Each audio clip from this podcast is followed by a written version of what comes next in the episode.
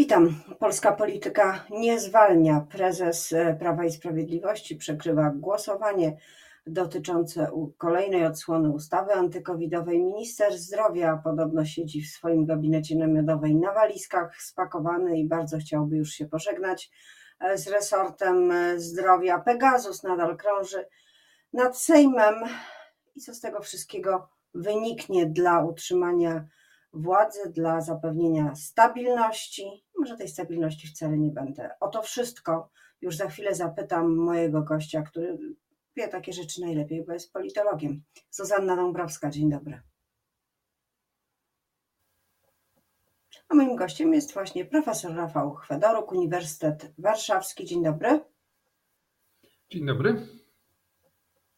E, ogólne pytanie, e, co dalej, jest bardzo ogólne, ale chyba w tym przypadku uzasadnione, to e, weźmy pod uwagę jego taką podstawową, bardziej techniczno-polityczną, techniczno-polityczny zakres. Czyli czy z tego głosowania, w którym okazało się, że obóz władzy nie ma większości w ważnej sprawie, cokolwiek wynika bezpośrednio dla funkcjonowania klubu, dla funkcjonowania większości? Raczej jest to potwierdzenie mm, trendów, które mm, zaczęły się ujawniać dokładnie pierwszego dnia po ogłoszeniu wyniku wyborów. Wyborów, które Prawo i Sprawiedliwość wygrało w sposób e, przekonujący i rzadko spotykany, jeśli chodzi o przewagę w procentach. Natomiast e, mm, Zbieg okoliczności w postaci wejścia do Sejmu wszystkich startujących komitetów spowodował, że przewaga rządzących nad opozycją wynosiła zaledwie pięć mandatów i to już samo w sobie było mm, czynnikiem, który mm, musiał reżyserować polską politykę, a jeśli dodamy do tego sytuację, w której paru dziesięciu posłów Zjednoczonej Prawicy należało do innych niż Partia Prawo i Sprawiedliwość ugrupowań, mm, dopełniało potencjału możliwego potencjału chaosu. Następnie doszło między innymi do wydarzeń związanych ze społecznymi protestami w sprawie zaostrzenia ustawy antyaborcyjnej, co z kolei na trwałe obniżyło notowania rządzącego ugrupowania. Potem jeszcze pojawił się COVID, który może nie w sposób mm, determinujący całą polską politykę, ale jednak nieco zmieniał jej geografię, choćby dlatego, że elektoraty głównych ugrupowań, może poza lewicą, mm, były mm, dość wyraźnie podzielone, asymetrycznie, ale wyraźnie w stosunku do restrykcji związanych z, z walką z pandemią. I kolejny raz objawiło się zjawisko tego, że Zjednoczona Prawica, mimo lepszego wyniku wyborczego, jest dużo mniej stabilną formacją na poziomie sejmowym, aniżeli było to w poprzedniej kadencji z dużo słabszym mm, rezultatem. Więc raczej to, co obserwowaliśmy, było, było objawem, aniżeli narodzinami czegoś mm, nowego, tym, co stabilizuje władzę Prawa i Sprawiedliwości, oprócz rozwiązań konstytucyjnych, choćby wspominanego wczoraj przez polityków konstruktywnego wotum nieufności, jest sytuacja wśród, wśród opozycji, gdzie no, różnica interesów pomiędzy poszczególnymi mm, partiami, niepewność części z nich co do swoich przyszłych losów powoduje, że niekoniecznie wszyscy wśród opozycji mogą być w równym stopniu chętni do mm, zmiany obecnego status quo w polityce, to znaczy na przykład e, poparcie ewentualnych wniosków o przedterminowe wybory, czy nawet prób zmiany rządu w obrębie tego Sejmu. No tak, ale to wszystko znaczy, y, tym bardziej y, jeśli jest tak, y, jak Pan mówi, czyli niektóre z mniejszych partii nie chciałyby za szybko iść do wyborów, bo się boją, że stracą nawet to, co mają, to znaczy, że mamy do czynienia z rządem mniejszościowym, czyli to jest taki rząd, który potrafi zebrać większość do tego, by przetrwać politycznie, czyli utrzymać większość w ostatecznym głosowaniu nad na przykład samorozwiązaniem, a jednocześnie musi o nią bardzo zabiegać w konkretnych sprawach, e, które, e, które się pojawiają na agendzie, no takich właśnie jak choćby pandemia. Tyle, że chyba ten rząd mniejszościowy jeszcze tego nie zrozumiał, bo e, w jego logice jest to, że poparcia trzeba szukać w różnych e, grupach, e, z różnych stron politycznych, wśród opozycji też. No, tego typu rządy zdarzają się nie tylko w Polsce, nawet na pozór stabilne demokracje, jak, jak Szwecja czy Belgia w ostatnich latach doświadczały tego. Ta druga zresztą w różny sposób miała przez wiele miesięcy problem w ogóle ze sformowaniem większości na poziomie parlamentarnym. Także u nas no, niegdyś mieliśmy choćby rząd Marka Belki, który, który był Mm, rządem ugrupowania wtedy już mniejszościowego sondażowo, gdzie zresztą doszło do, do sytuacji, w której, której premier rządu formalnie był związany z partią deklarującą opozycyjność wobec, wobec tego, tego rządu. Natomiast jest to z perspektywy Prawa i Sprawiedliwości jako partii sytuacja trudna nie dlatego, że, że ten rząd będzie musiał zabiegać przy poszczególnych głosowaniach o to, bo to ma swoje liczne precedensy, także w polskiej polityce, ale dlatego, że jednym z czynników legitymizujących Prawo i Sprawiedliwość mm, jako formację rządzącą przez ostatnie lata była owa mityczna już niemal sprawczość. To znaczy sytuacja, w której Prawo i Sprawiedliwość było zdolne realizować wcześniejsze obietnice, było także zdolne podejmować reformy o strukturalnym charakterze, w wielu wypadkach zyskujące akceptację Mm, społeczną i pozwalające tej partii poszerzać swój elektorat, pozyskiwać także takich wyborców, którzy od prawicy w wymiarze ideologicznym są dosyć dalecy. To zdecydowanie. Teraz minęło. nie masz o tym mowy? Już trzeba te Myślę, wielkie nie ma, pomysły, absolutnie. lotniska, absolutnie. programy pożegnać? Absolutnie nie ma o tym mowy, choćby dlatego, że im bliżej nominalnego terminu wyborów, tym mniej ktokolwiek spośród opozycji będzie chętny do partycypowania w czymkolwiek, co oferuje prawo i sprawiedliwość. Musiałby być wyłącznie w sytuacji ostatecznej, e, gdyby to dotyczyło właśnie no, na przykład perspektyw w ogóle istnienia dalej Sejmu w obecnym, e, w obecnym kształcie. Natomiast jeśli chodzi o większe kwestie, kwestie programowe, paradoksalnie owa licytacja pomiędzy opozycją, licytacja trochę w tym, kto, kto jest e, bardziej wyrazistą, jednoznaczną opozycją, będzie, będzie blokowała. Nie mówiąc już o tym, że, że także inne czynniki, mm, niezależne już nawet od, od sytuacji na sali sejmowej, bardzo będą utrudniały podejmowanie jakichkolwiek poważniejszych reform. No takie czynniki jak, jak choćby mm, gry spekulantów giełdowych na, na cenach energii w skali, w skali globalnej, które podnoszą koszty życia codziennego, które czynią sytuację mm, budżetową dużo trudniejszą, a, a można to zwalczać wyłącznie paliatywnie i na dodatek za cenę powiększania mm, deficytu budżetu mm, państwa. Więc, więc w tym sensie dla Prawa i Sprawiedliwości nadchodzące miesiące będą miesiącami trwania. Nie jeden rząd tego już, już doświadcza, a bardzo trudno w takiej sytuacji powiększać notowania. No właśnie, bo jeżeli rzeczywiście czeka nas czas imposybilizmu, którego tak bardzo nie lubi prezes E, Kaczyński, to będzie też to miało swoje konsekwencje polityczne, sondażowe i też, e, żeby nie przeceniać tych słupków, które są na pewno ważne, ale myślę, że będzie to też mieć wpływ na atmosferę i na sytuację tego segmentu głosujących, którzy do tej pory wydawali się nienaruszalni, czyli twardego elektoratu PiS, bo nic tak chyba nie wpływa źle, jak pokazanie bezsilności. No oczywiście prócz, prócz samej kwestii poziomu życia materialnego. Natomiast powinniśmy pamiętać o jednym, że nasze podziały są bardzo trwałe. Różne osie dzielące polskie społeczeństwo, nawet w sposób niezależny od mm, bieżącej polityki, nałożyły się na siebie.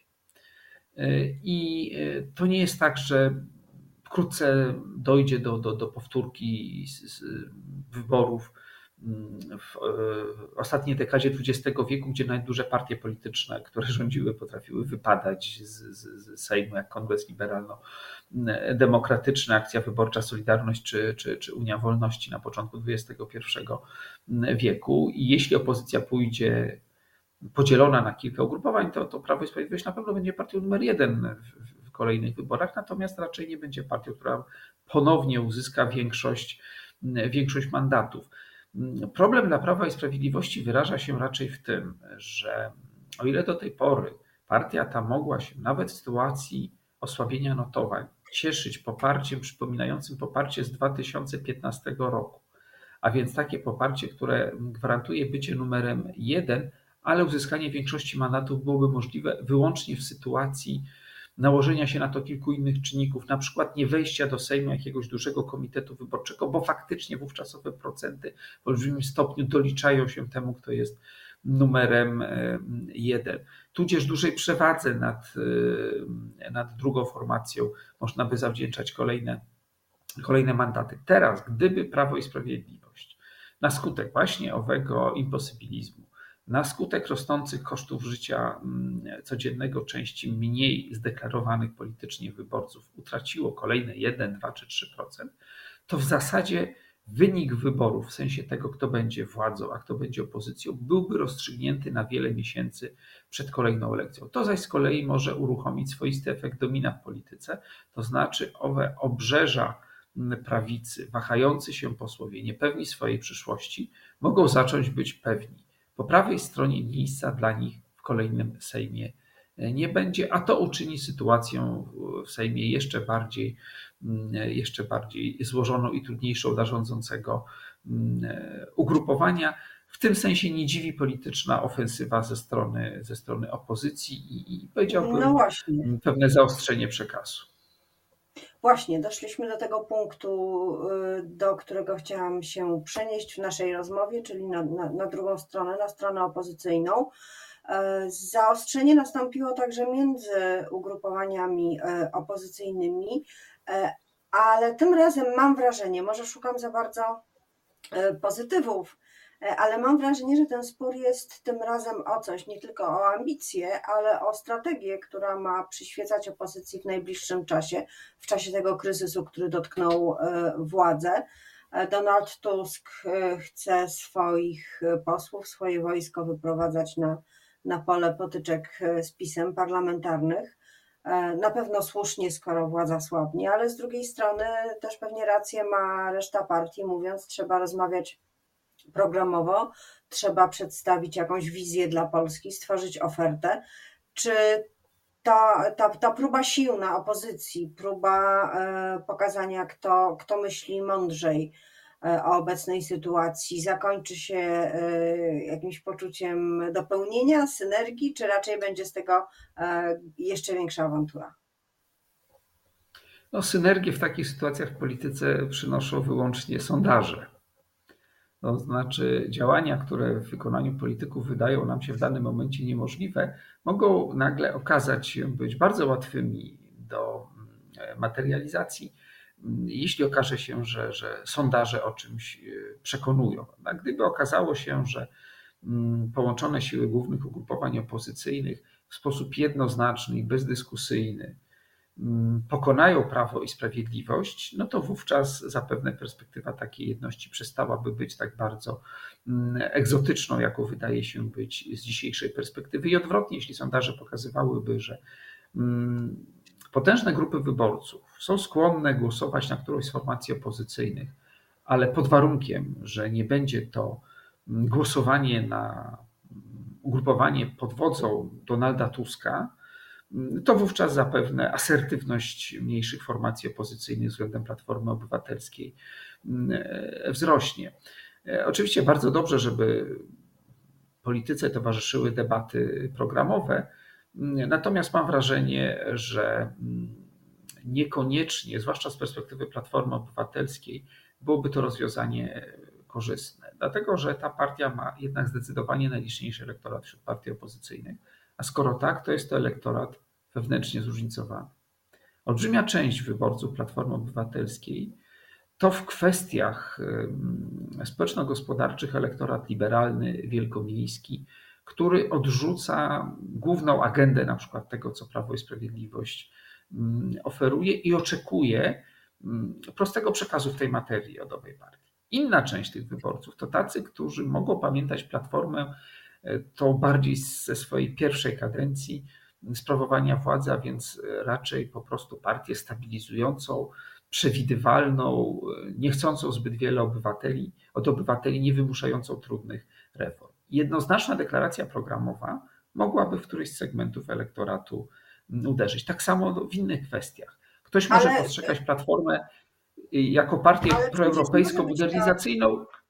Ja, ja, ja bym chciała na, na moment przerwać w tym punkcie, bo przecież są takie dziedziny, w których e, te wszystkie wizerunki można połączyć. To jest kwestia przygotowania e, planu dotyczącego praworządności, co zresztą akurat Platforma zaczęła robić, czy Koalicja Obywatelska, ale także dotyczy to pandemii. Przecież spokojnie zupełnie można się z, e, i z samą sobą w środku, i z innymi partiami opozycyjnymi dogadać w tej kwestii jakiegoś krótkiego, kilkupunktowego planu, dogadać się na przyszłość. Przecież pandemia nie odejdzie E, jutro czy pojutrze. To ten, ten wirus i różne inne jego konsekwencje z nami będą.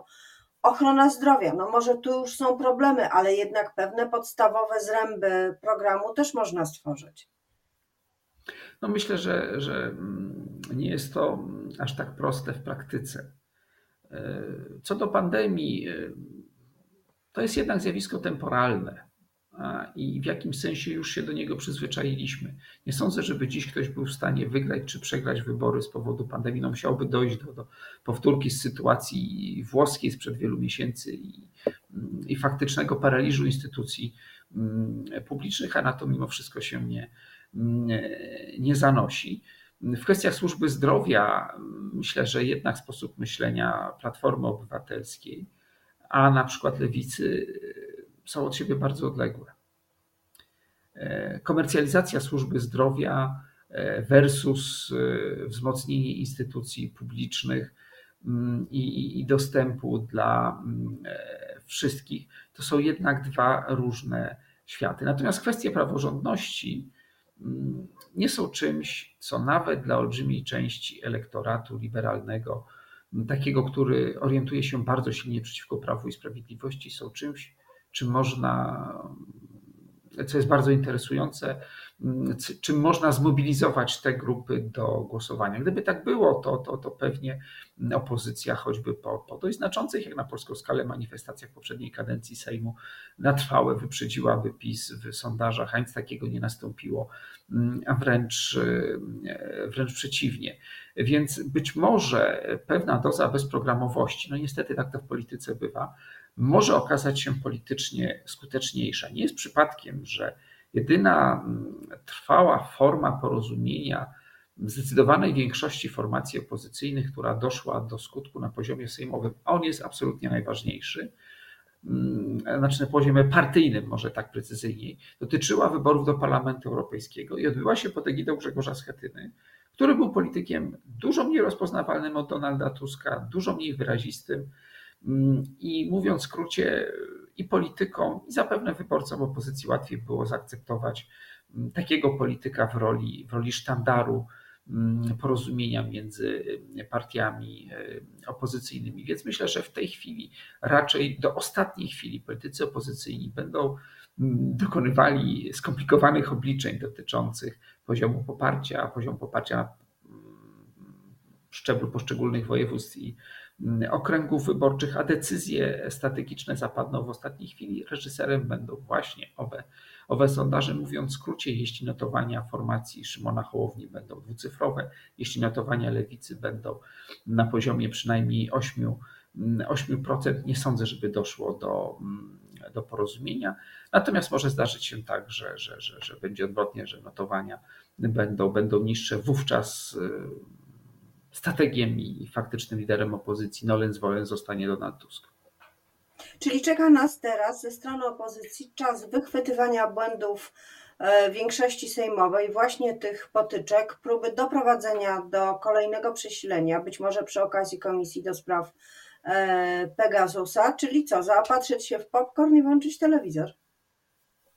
No, na tym polega dzisiaj, dzisiaj polityka. Zauważmy, że, że frekwencja wyborcza w Polsce w ostatnich latach zdecydowanie wzrosła, nawet na przykład w tych grupach demograficznych, które zawsze statystycznie rzadziej, rzadziej głosują.